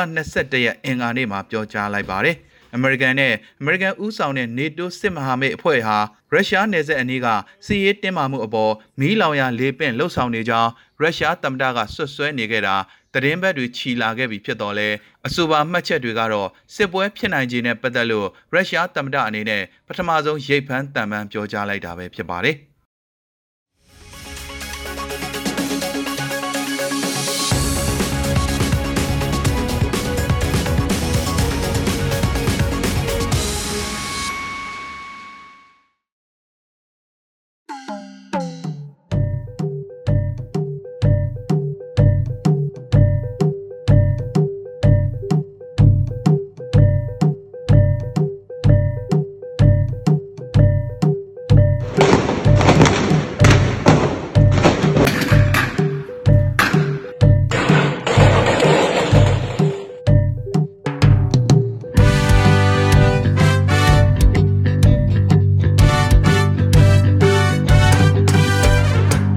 Buffalo soldier, freedom fighter. Buffalo soldier, raising three fingers, was a city dweller. Now fighting in the jungle, fighting on a rival, fighting the dictator. I mean it with the mud and rain they got. To me, it makes a lot of sense. How the city youngsters are the Buffalo Soldier. Yes, he did run away from hometown. Now fighting in the jungle, fighting on a rival, fighting for survival. Say he was a buffalo soldier, raising three fingers. Buffalo soldier, with the hope of new Myanmar. If you know the Coop story, then you would know where we coming from. Then you wouldn't have to ask me. Why the heck are we fighting on? I'm just a buffalo soldier with the hope of New Myanmar, a city dweller now fighting in the jungle. Say whoa oh, yo yo,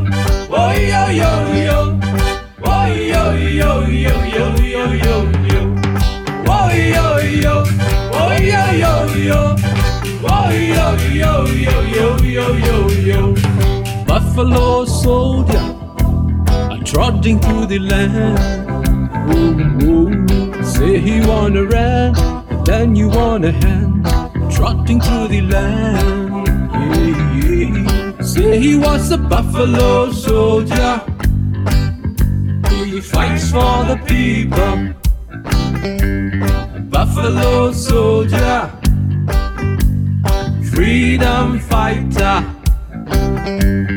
fighting on a rival,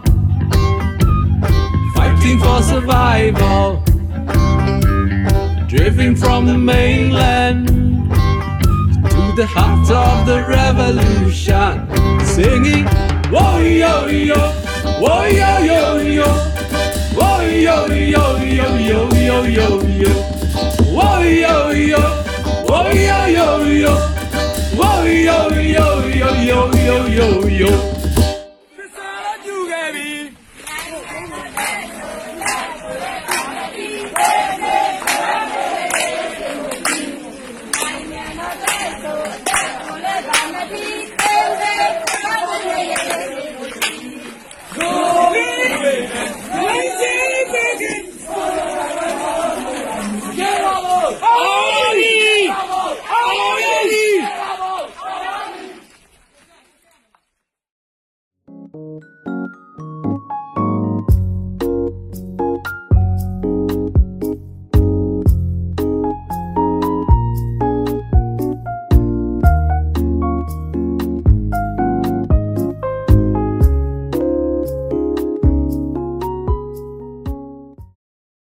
အခုဆက်ပြီးတင်ဆက်ပေးမယ့်အစီအစဉ်လေးကတော့ Nature's Article အစီအစဉ်လေးပဲဖြစ်ပါတယ်။တဘာဝအသီးနှံတွေကိုအသုံးပြုပြီးကျန်းမာရေးအတွက်ရရှိနိုင်မယ့်အကျိုးကျေးဇူးတွေအကြောင်းကိုမှုကနေပြီးတင်ဆက်ပေးသွားမှာပါ။အဲ့တော့ဆက်လက်နားဆင်ကြည့်ရအောင်နော်။။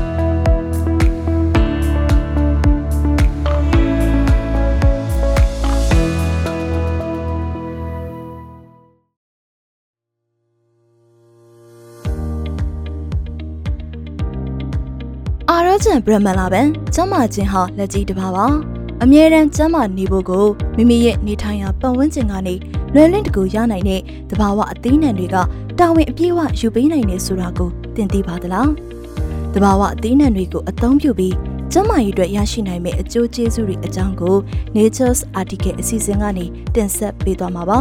။ဒီကနေ့မှာတဘာဝအသီးနှံဖြစ်တဲ့ဇီတိရဲ့အကျိုးကျေးဇူးရအကြောင်းတွေကိုတင်ဆက်ပေးသွားမှာပါ။ အခုလိုမိုးနောင်ဆောင်းကူကာလမှာလှိုင်လှိုင်ပေါ်တဲ့ဇီးသီးတွေကိုမြင်ရတော့ငငယ်တုန်းကသင်ကြားခဲ့ရတဲ့အရေးလာသည့်ဇီးသီးပါသလားဆိုတဲ့မြမစာကိုပြန်လဲအောင်မေ့တရိယာမိပါတယ်။ဇီးသီးအစအညာကားလို့ဆိုရရှိတဲ့အတိုင်းအလေးကျပေါက်လေးရှိတဲ့ဇီးပင်တွေကိုမြန်မာနိုင်ငံအလဲပိုင်းကြောက်တောင်းနေတဝိုင်းနဲ့ညီလက်ဒေသတွေမှာပေါ်ပေါ်မြများတွေ့မြင်ရပြီးတော့ထိုင်ဝမ်ဇီးကျိုသီးတို့ကိုလည်းစိုက်ပျိုးလျက်ရှိကြပါတယ်။ အများအားဖြင့်ဇီးသီးအချိုနဲ့အချင်းဆိုပြီးနှစ်မျိုးရှိပါတယ်။ရင်းမြေရာသီဥတုနဲ့ရှင်သန်ပေါက်ရောက်ရာဒေသပေါ်မူတည်ပြီးတော့ဇီးပဲလောဇီးချိုသီးအချင်းသီးကြက်ဥဇီးသီးဆလီဇီးသီးဇီးပန်းသီးစသဖြင့်အမည်နာမအရွယ်အစားရောအရသာပါကွဲပြားခြားနာကြပါတယ်။ဇီးသီးအမျိုးအစားပေါ်မူတည်ပြီးတော့အရသာချင်းလေးဗီတာမင်စီဓာတ်ကြွယ်ဝလေးဖြစ်ပါတယ်။ အသီးသာမကအရွက်နဲ့ပင်စီအခောက်တို့ကလည်းလွန်စွာဆေးဘက်ဝင်ကြပါတယ်။ဇီးသီးထဲမှာမြင့်မာစွာပါရှိတဲ့ phytonutrient ကဓာတ်တိုးဆန့်ကျင်ပစ္စည်းအဖြစ်အစွမ်းထက်စေသလိုဗီတာမင်စီဓာတ်လည်းအလုံလောက်ပါရှိတာကြောင့်ကိုယ်ခံစွမ်းအားကိုတိုးတက်မြင့်စေကအအေးမိနှာစေးချောင်းဆိုးစတဲ့ကုသရာသီပြားများကိုမဖြစ်စေပါဘူး။ကလေးငယ်တွေကိုဝင်ဆောင်မိခင်လောင်းတွေနဲ့နတာရှည်ဖျားနာသူတွေကလည်းစားပေးတင်ပါတယ်။ အခုလိုစောင်းရသည်မှာနေတာတိုးပြီးညတာရှိတဲ့အတွက်နေ့အလင်းရောင်ဆုံးရှုံးတာဟာအစာစားလူစိတ်ကိုတိုးစေတယ်လို့ Scotland သုတေသီတွေကဆိုထားပါတယ်။အစာစားလူစိတ်ပေါ်လို့စားတဲ့အခါအဆီဓာတ်လုံးဝမပါဘဲနဲ့ကယ်လိုရီလုံလောက်တဲ့ဇီးသီးလက်လက်ဆက်ဆက်ကိုဦးစားပေးပြီးစားသင့်ပါတယ်တဲ့။ဇီးသီးထဲမှာပါတဲ့ asphonol လို့ခေါ်တဲ့ antioxidants အာနိသင်ကအုံနောက်နဲ့ဆက်ဆက်လျက်ရှိတဲ့ cells တွေကိုပုံမှန်အလုပ်လုပ်စေက အုံနောက်ကိုကျန်းမာစေပြီးမှတ်ဉာဏ်စွမ်းအားလေးတိုးတက်လာစေပါတယ်။ဇီးသီးဟာအာယုံကြောတွေကိုငြိမ်အေးစေပြီးတော့တဘာဝအတိုင်းနှစ်နှစ်ချိုက်ချိုက်အိမ်မောကြစေလို့ဇီးသီးကို၅လုံးဒါမှမဟုတ်6လုံးကိုပုံမှန်စားပေးတင်ပါတယ်။ဒါအပြင်စိတ်နှလုံးတည်ငြိမ်ပြီးစိတ်ဖိစီးမှုကိုဖြေလျှော့ပေးနိုင်လို့စိတ်ဝေဒနာရှင်တွေအတွက်ဇီးသီးဝါဇီးယိုတို့ကိုလည်းဓာတ်စာအဖြစ်ကျွေးတင်ပါတယ်။ မျက်လုံးပေါက်အေးရေးပြက်ခံအလလုံးကြသူတွေကလည်းစိတ်အာရုံကြည်လင်စေဖို့အတွက်တစ်နေ့ကို3-4လုံးစားပေးတင်ပါတယ်။ဇီတီမှာဗီတာမင် K လုံလောက်စွာပါရှိတဲ့အတွက်အယ်ဇိုင်းမာယောဂါမဖြစ်အောင်လည်းကာကွယ်ပေးပါတယ်။ဇီတီဟာမူရစ်ထုံထိုင်းမှုကိုပြေစေလို့မူရစ်စေတတ်တဲ့အရက်သေးစားတောက်သုံးပြီးရင်လည်းဇီတီကိုစားပေးသင့်ပါတယ်။ ဇီတီထဲမှာအစွမ်းထက်တဲ့ဓာတ်ပါရှိတဲ့အတွက်ရင်သားကင်ဆာ၊ဥကင်ဆာ၊ဥမကြီးကင်ဆာ၊အဆုတ်ကင်ဆာနဲ့အသက်ရှူလမ်းကြောင်းဆိုင်ရာကင်ဆာတို့ကိုလည်းကာကွယ်ပေးနိုင်ပါတယ်။နောက်ပြီးတော့ခန္ဓာကိုယ်ထဲမှာ Lycophanes တက်ချို့တဲ့သူတွေဟာလည်းမချို့တဲ့သူထက်ပန်ကရိယကင်ဆာဖြစ်လာနိုင်ခြင်းအလားလာဟာ၅ဆပိုတယ်လို့ဆိုပါတယ်။ဗီတာမင် E နဲ့ဘီတာကရိုတင်တက်ကျဲဝတဲ့ဇီးသီးကိုစားပေးခြင်းဖြင့်အရေပြားအချွဲမှွေးလာနဲ့ အမြင့်အာရုံကိုတိုးတက်ကောင်းမွန်စေရုံသာမကပဲတက်ကြီးပိုင်းမှာဖြစ်လေရှိတဲ့မကူလာယိုရင်းပြက်စီးပြီးတော့အမြင့်အာရုံချွတ်တဲ့ခြင်းနဲ့မျက်လုံးကွယ်ခြင်းများကို36ရာခိုင်နှုန်းထိရှော့ချပေးနိုင်ကြောင်းစေတုတီတီတွေကအကြံပြုထားပါတယ်။ဇီတိဟာကယ်လိုရီနည်းပါပြီးအနေရမရှိတဲ့မပြေဝစီလေလုံးဝမပါဝင်တာကြောင့်နှလုံးနဲ့သွေးကြောတွေကိုကျန်းမာစေပါတယ်။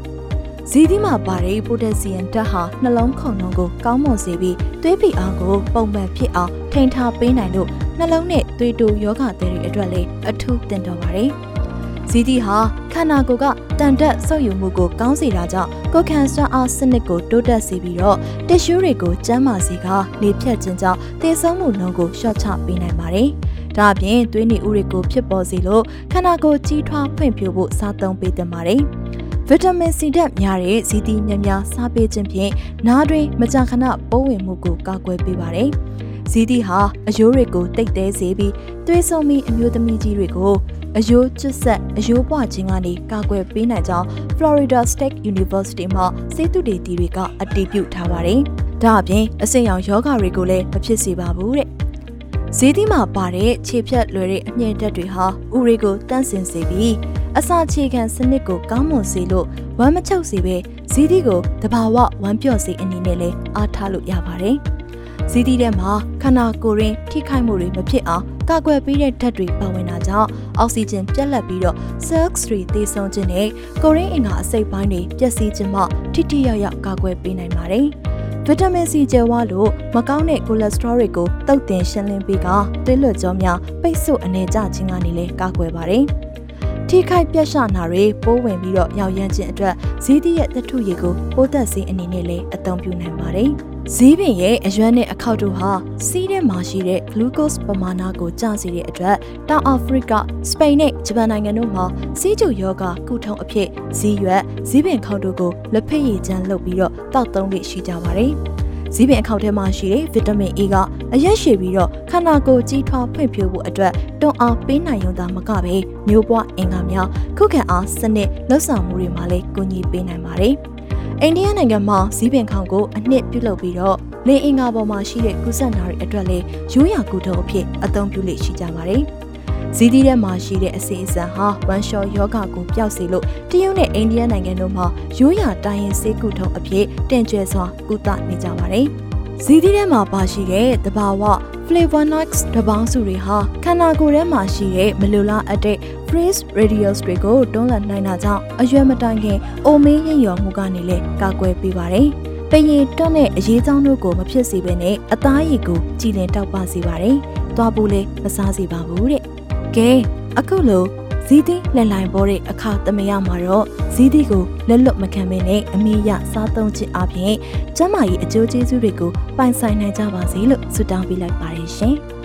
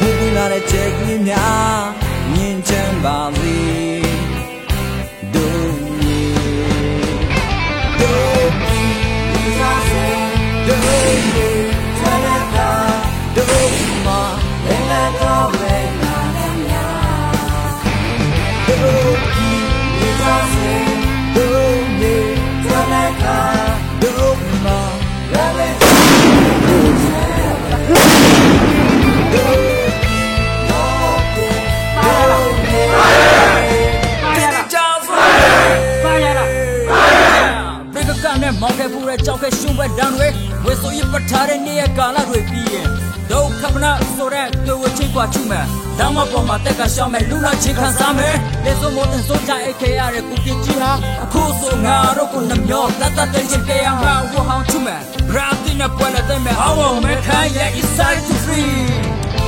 ဒုက္ခ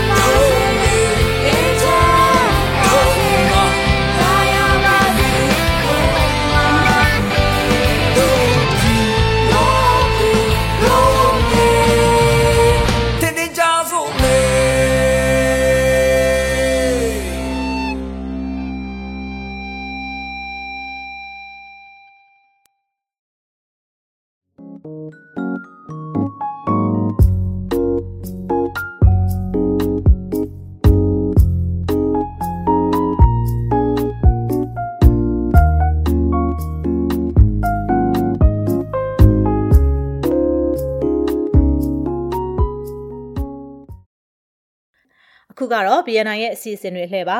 BNI ဝိုင်းတော်သားတွေရဲ့တင်ဆက်မှုကိုနားဆင်ကြည့်ရအောင်ပါ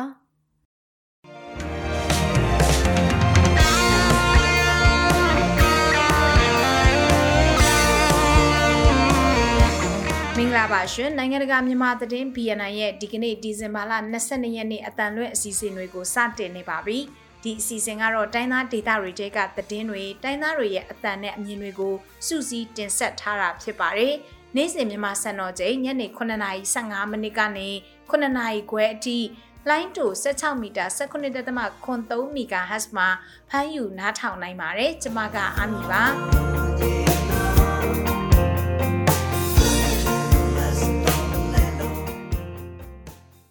ဒီနေ့မှာကြားကြရမယ့်သတင်းတွေကတော့မွန်ပြည်နယ်ဘီလင်းမြို့နယ်တဲကနေကြားဆောင်တက် BGF ရဲ့ကင်းစကန်တစ်ခုလောင်ချာနဲ့တိုက်ခိုက်ခံခဲ့ရပါတယ်။ထောင်နဲ့ချီတဲ့ကရင်ရွာသားတွေထိုင်းနယ်ဆက်ကိုဆက်လက်ထွက်ပြေးလာနေပါတယ်။ချင်းပြည်နယ်မင်းတပ်ကတိုက်ပွဲတွေအကြောင်းကိုလည်းနောက်ပိုင်းမှာတင်ဆက်ပေးထားပါတယ်။ဒီသတင်းတွေကိုတော့ကျွန်မနဲ့အတူဆိုင်းမွန်းကနေတင်ဆက်ပေးသွားမှာပါရှင်။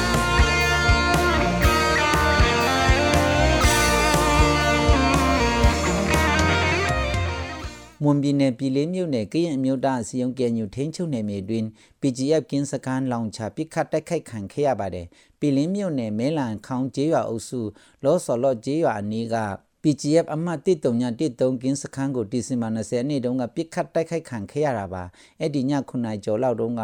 လောစောလော့ကျေးရွာအနီးပီလီနှက်ကြီးသွားကားလမ်းပေါ်က PGF ကင်းစခန်းကိုလောင်ချနဲ့တိုက်ခိုက်ခဲ့တာဖြစ်ပါတယ်တိုက်ခိုက်မှုကြောင့်ဒေသခံတွေ ဒီဇင်ဘာ21ရက်နေ့နာနဲ့ပိုင်းထိအိမ်ပြည်မထွက်ရဲပဲပုံခုချင်းထဲမှာပုံခုနေစေလို့ဆိုပါတယ်ဒီဖြစ်ရနဲ့ပတ်သက်ပြီးပီလေးမြို့နယ်ပကဖမစ်ရှင်အဖွဲ့နှင့်ပီလေးမြို့နယ်စစ်စင်ရေးတာဝန်ခံတပ်မှုပေါက်ကျိုင်းနဲ့ပူတိုက်ကျွဲတို့ဦးဆောင်တဲ့အဖွဲ့က89လောင်ချာနဲ့3လုံးပစ်ခတ်ခဲ့တယ်လို့ပီလင်းမြို့နယ်ပြည်သူ့ကာကွယ်ရေးတပ်ဖွဲ့ကထုတ်ပြန်ထားပါတယ်။ပီလင်းမြို့နယ်အတွင်းမှာ KNU KNLA တပ်ထင်းချုပ်လှုပ်ရှားတဲ့အပြင်ဒေတာလူထုကာကွယ်ရေးတပ် PDF လည်းလှုပ်ရှားပါတယ်။ PGF ကင်းစကန်တိုက်ခိုက်မှုကြောင့်လက်ရှိအာဏာသိမ်းစစ်ကောင်စီတပ်နဲ့ PGF တပ်တို့ပူးပေါင်းပြီးဒေတာအတွင်းနေထိုင်တွာလာတဲ့လူထုကိုကြမ်းမှတ်စစ်ဆေးပြီး KNU KNLA နဲ့ PDF တည်င်းတွေကိုလိုက်လံစုံစမ်းမေးမြန်းနေတယ်လို့ဒေတာခန်တွေကတန်လွင်တိုင်းသတင်းဌာနကိုပြောပါတယ်။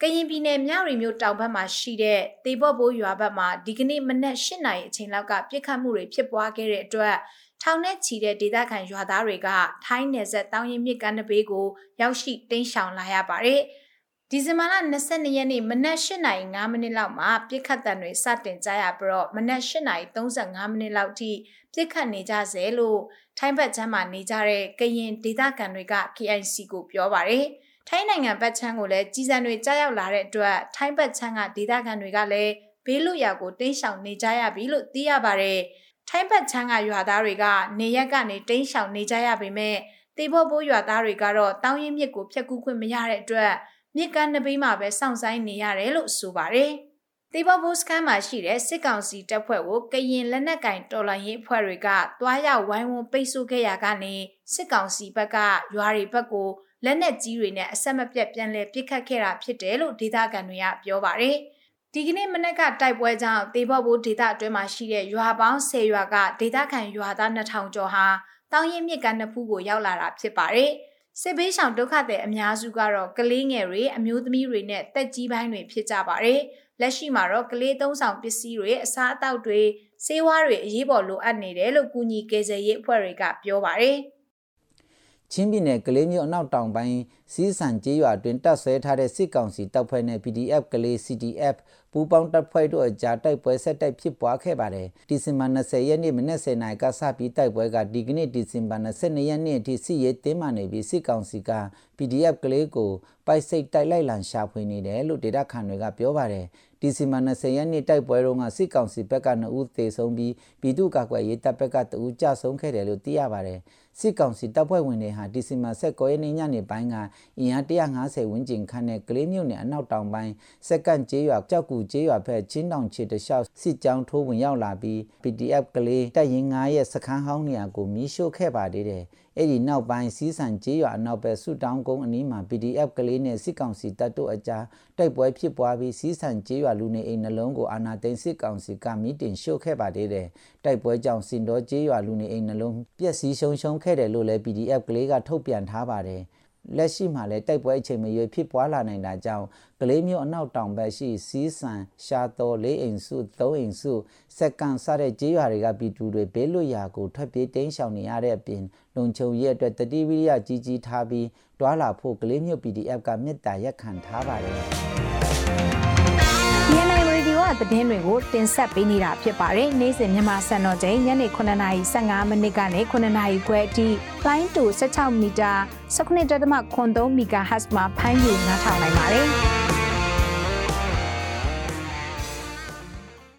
ထောင်တန်နှစ်နှစ်ချမှတ်ခံထားတဲ့မွန်ပြည်နယ်ဝင်ကြီးချုပ်ကိုနောက်ထပ်အမှု၃မှုထပ်တိုးပြီးတော့တရားစွဲဆိုထားတာကြောင့် ဖမ်းဆီးထိန်းသိမ်းခံထားတဲ့အချိန်ကနေလက်ရှိအချိန်ထိအမှုပေါင်း73မှုနဲ့တရားရင်ဆိုင်နေရတယ်လို့မိသားစုတိုင်းဝိုင်းစီကနေသိရပါဗျ။အာနာဖီဆန်ရေး CDM လှုပ်ရှားမှုမှာနိုင်ငံဝန်ထမ်းတွေအနေနဲ့ပါဝင်ပေးကြဖို့တိုက်တွန်းခဲ့တယ်ဆိုတဲ့ဆွဆွဲချက်နဲ့မွန်ပြည်နယ်ဝန်ကြီးချုပ်ဒေါက်တာအေးဆန်ကိုကြိုက်မရောထောင်အထူးတရားရုံးကဒီဇင်ဘာလ20ရက်နေ့မှာပုံမှန်905ခါခွေအရအလုံးနဲ့ထောင်တန်း2နှစ်အမိန့်ချမှတ်ထားတာဖြစ်ပါတယ်။ ရွေးကောက်ပွဲမှာမလျော်ဩဇာအသုံးပြုမှုရွေးကောက်ပွဲအတွင်းမှာမတမာမှုပြုမှုရာဇသက်ကြီးဥပဒေပုံမှ133ကကြီးပုံမှ101စလုံးဆွဆွဲချက်တွေနဲ့ဒေါက်တာအေးဇံကို အမှုထပ်တိုးပြီးတော့တရားစွဲဆိုထားတာဖြစ်ပါတယ်စစ်ကောင်စီကအဂရိလိုက်စားမှုတိုက်ဖြတ်ရေးဥပဒေပုံမှ55အပါအဝင်ဒေါက်တာအေးဇံကို အမှုကိုမှုနဲ့ဖွင့်ထားပြီးတော့တရလိုပြသက်သေတွေကိုလည်းစစ်ဆေးပြီးဖြစ်တယ်လို့ဆိုပါတယ်။ ဒါအပြင် NLD အစိုးရကရင်ပြည်နယ်ဝန်ကြီးချုပ်ဒေါ်နန်းခင်ထွေးမြင့်ကိုလည်းထောင်ဒဏ်89နှစ်တနင်္သာရီတိုင်းဒေသကြီးဝန်ကြီးချုပ်ဦးမြင့်မောင်ကိုလည်းထောင်ဒဏ်17နှစ်မန္တလေးတိုင်းဝန်ကြီးချုပ်ဒေါက်တာဇော်မြင့်မောင်ကိုထောင်ဒဏ်4နှစ်မကွေးတိုင်းဝန်ကြီးချုပ်ဒေါက်တာအောင်မိုးညိုကိုထောင်ဒဏ်2နှစ်စကိုင်းတိုင်းဒေသကြီးဝန်ကြီးချုပ်ဒေါက်တာမြင့်နိုင်ကိုထောင်ဒဏ်2နှစ်နဲ့ ရခိုင်ပြည်နယ်ဝန်ကြီးချုပ်ဦးညီပုကိုထောင်ဒဏ်2နှစ်အတိအသီးချမှတ်ထားတာဖြစ်ပါတယ်ရှင်။ရှမ်းပြည်တောင်ပိုင်းဖေခုံမြို့နယ်တွင်ကလူသားတိုင်းပင်စစ်ကောင်စီဖမ်းဆီးခေါ်ဆောင်တွားခံရတဲ့ရှေပြည်ကျေးရွာကရွာသား2ဦးတေဆုံးတွားပြီလို့စုံစမ်းသိရှိရပါတယ်။ပြီးခဲ့တဲ့အောက်တိုဘာ29ရက်နေ့တုန်းကစစ်ကောင်စီတပ်စစ်ကြောင်းကဖေခုံမြို့နယ်ရှေပြည်ကျေးရွာသားအရက်သား19ဦးကိုဖမ်းဆီးပြီးလူသားတိုင်းအဖြစ်ခေါ်ဆောင်တွားခဲ့ပါတယ်။ အဲ့ဒီထဲကအသက်68နှစ်အရွယ်ရှိဦးမောင်ယုံနဲ့အသက်49နှစ်အရွယ်ရှိဦးစိုးတင်တို့အပြင်းထန်ရိုက်နှက်ခံရပြီးတေဆုံးသွားတာလို့ဒေတာခန်တွေကပြောပါတယ်။လူသားတန်းအဖြစ်ဖမ်းဆီးခေါ်ဆောင်တော့ခံရတဲ့ကျေးလက်ရွာသားတွေဟာလက်ရှိမှာတောင်ကြီးမြို့အမတ်တိရဲစခန်းမှာရှိနေပြီးတော့တည်ဆုံသွားတဲ့အမျိုးသားနှစ်ဦးကဘယ်နေရာမှာတည်ဆုံသွားတယ်ဆိုတာကိုအခုချိန်ထိမသိရှိရသေးဘူးလို့မိသားစုဝင်တွေကပြောပါတယ် လူသားတန်းအဖြစ်ခေါ်ဆောင်သွားခြင်းခံရတဲ့ဆွေပြည်ကျေးရွာဒေသခံ19ဦးကိုစစ်ကောင်စီအုပ်စုကနိုင်ငံတော်ပုံကံမှုနဲ့အမှုဖွင့်တရားစွဲဆိုထားတယ်လို့လည်းဒေသခံတွေကပြောပါတယ်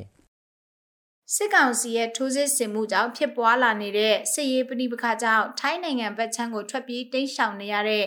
ကရင်ပြည်နယ်ကစစ်ဘေးရှောင်3000ကိုအကူအညီပေးဖို့ထိုင်းအစိုးရကိုကုလသမဂ္ဂဒုက္ခသည်အေဂျင်စီကတနင်္လာနေ့ကတောင်းဆိုလိုက်ပါတယ် ဖေဖော်ဝါရီလအတွင်း NLD အစိုးရကိုဖြုတ်ချခဲ့ပြီးအာဏာသိမ်းမြန်မာစစ်တပ်ကိုစန့်ကျင်တယ်လို့ကြွေးကြော်ထားတဲ့ကရင်မျိုးသားအစည်းအရုံးနဲ့ထိတွေ့တိုက်ပွဲတွေကသတင်းပတ်အတွင်းတိုက်ပွဲတွေပိုစိတ်လာနေပါတယ်။စစ်ကောင်စီနဲ့ကရင်မျိုးသားအစည်းအရုံး KNU တို့ကြားကတိုက်ပွဲတွေကြောင့်တနင်္လာနေ့ထိကောက်ခံရရှိထားတဲ့စီးရင်တွေအရဒုက္ခသည်အရေအတွက်က3900အထိတိုးလာနေတယ်လို့ UNHCR ကပြောကြားထားပါတယ်။ အဲ့ဒီထက်ကဒုက္ခသည်ဥယေ3500လောက်ကထိုင်းဘက်ချမ်းမှာခိုးလုံနေရဆဲဖြစ်တယ်လို့ဆိုပါတယ်ရှင်။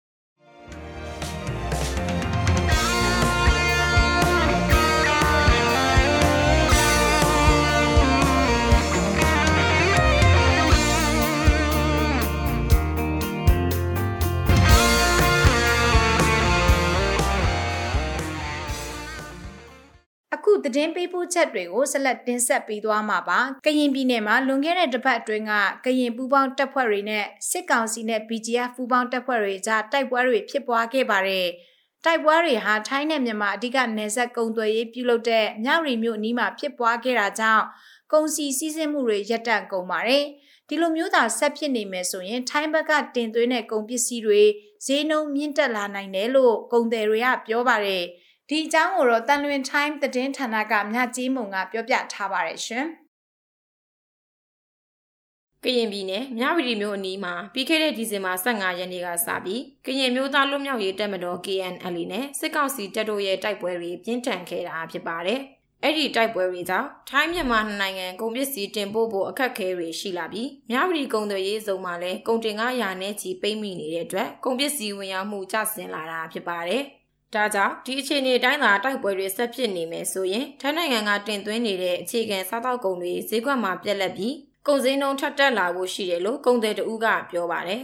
လူသားဆက်ဖြစ်နေမယ်ဆိုလို့ရှိရင်ကျွန်တော်တို့ကဥမာပေါ့ဗျာအရင်တော့ဆိုလို့ရှိရင်ကျွန်တော်ခောက်ဆွဲကြောက်ထုတ်250ပဲရှိတယ်ကိုကအခုကိုတို့ပြက်ကြည့်လိုက်ခောက်ဆွဲကြောက်ထုတ်က400ရှိတယ်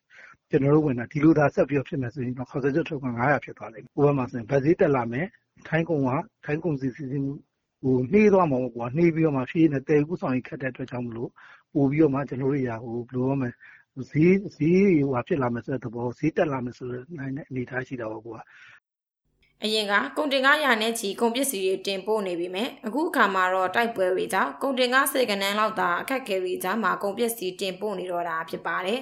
လက်ရှိမှာတော့တိုက်ပွဲတွေကြောင့်ကုန်တင်ကားအများစုကတွာလာမှုရပ်နာထားပြီးကုန်တင်ကားမောင်းသူတချို့ကတော့မိသားစုစားဝတ်နေရေးအခက်အခဲကြောင့်အသက်ဆွန့်ပြီးကုန်သွယ်နေရတယ်လို့ကားမောင်းသမားတဦးကအခုလိုပြောပါတယ်။ကားသမားတွေကတော့အခုသူအစင်မပြေလို့ဒါမိသားစုစင်မပြေလို့သွားနေကြတယ်ဘယ်သွားကြမှာလဲအတန်ကြားရင်ပုံလိုက်ရက်လိုက်သုံးလိုက်ရက်လိုက်နဲ့ပဲသွားနေရတယ်ဗျကျွန်တော်ဒီကကားသမားတွေဒီလိုပဲသွားနေကြတာပဲဒါပေမဲ့ဟိုတစ်ခေါက်တရက်တရက်တစ်ခေါက်မှုနှစ်ရက်တစ်ခေါက်ရတော့လေပစ္စည်းကလည်း တင်လို့ပြီးလို့ရှိတယ်ဆိုတော့လေကားသမားတော့ပြီးတဲ့တိုင်းပဲကွယ်တက်ဆုပ်ပြီးတော့မောင်းနေကြတာပေါ့ထိုင်းနဲ့မြန်မာကကုန်ပစ္စည်းတွေကိုမြောက်ပြည်ကုန်သွယ်ရေးစုံကနေအဓိကတင်သွင်းရောင်းချနေတာဖြစ်ပြီးတိုက်ပွဲတွေကြောင့်နှစ်နိုင်ငံကုန်သွယ်ရေးပေါ်တက်ရောက်မှုကြီးမားနေတာဖြစ်ပါတယ်။ကုန်ပစ္စည်းတင်ပို့ရမှာတော့မြန်မာနိုင်ငံဘက်ကနေထိုင်းကိုပြောင်း၊စကွဲနဲ့ရေရွက်ကုန်တချို့တင်သွင်းနေတာဖြစ်ပြီးထိုင်းနိုင်ငံဘက်ကမြန်မာနိုင်ငံကိုစားသောက်ကုန်အပါအဝင်ဆောက်လုပ်ရေးပစ္စည်းတွေအဓိကတင်သွင်းနေတာဖြစ်ပါတယ်။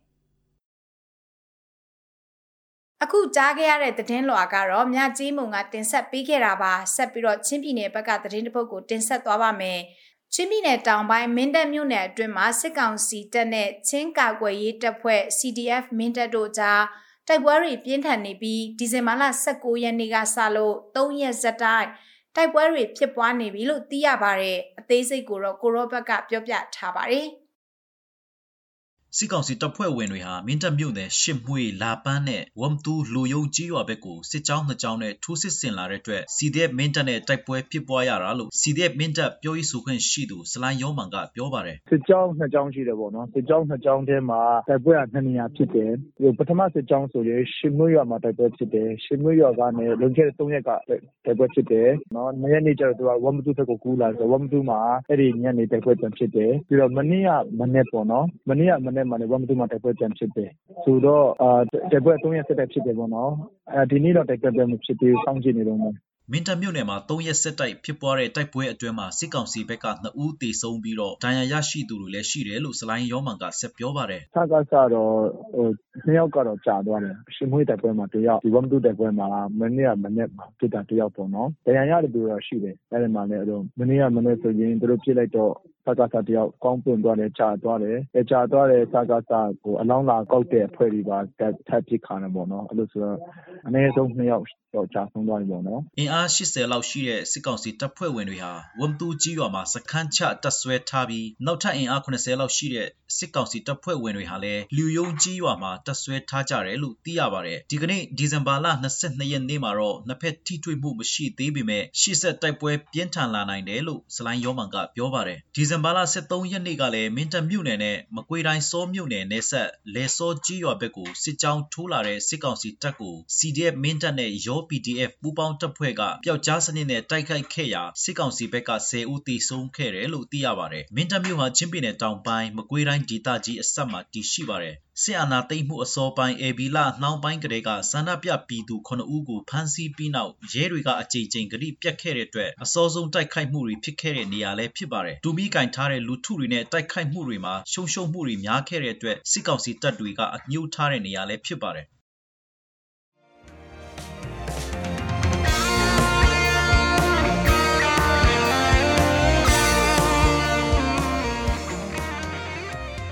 နားဆင်ခဲ့ကြရတာကတော့ BNI Radio ကနေ့စဉ်သတင်းအစီအစဉ်ပဲဖြစ်ပါတယ်။ဒီအစီအစဉ်ကိုနေ့စဉ်မြန်မာစံတော်ချိန်ညနေ9:15မိနစ်ကနေ9:00ခွဲအထိ15မိနစ်ကြာထုတ်လွှင့်နေတာဖြစ်ပါတယ်။နားဆင်ပေးတဲ့အတွက်ကျေးဇူးတင်ပါတယ်ရှင်။ကျွန်မကအမီပါ။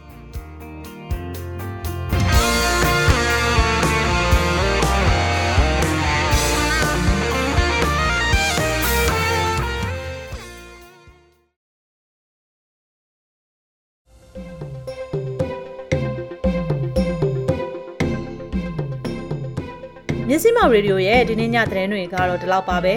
မြန်မာနိုင်ငံသူနိုင်ငံသားအပေါင်းဆရာနာရှင်ဘေးကနေကင်းဝေးပြီးတော့ကိုယ်စိတ်နှစ်ပါးကျန်းမာချမ်းသာကြပါစေလို့မြစည်းမောင်ရေဒီယိုဖွဲ့သားတွေကဆုတောင်းမေတ္တာပို့လိုက်ရပါတယ်မြန်မာပြည်သူတွေနဲ့အတူရက်တည်မယ်မြစည်းမောင်ရေဒီယိုပဲဖြစ်ပါတယ်နားဆင်ကြကြသူတွေအားလုံးကျန်းမာကြပါစေရှင်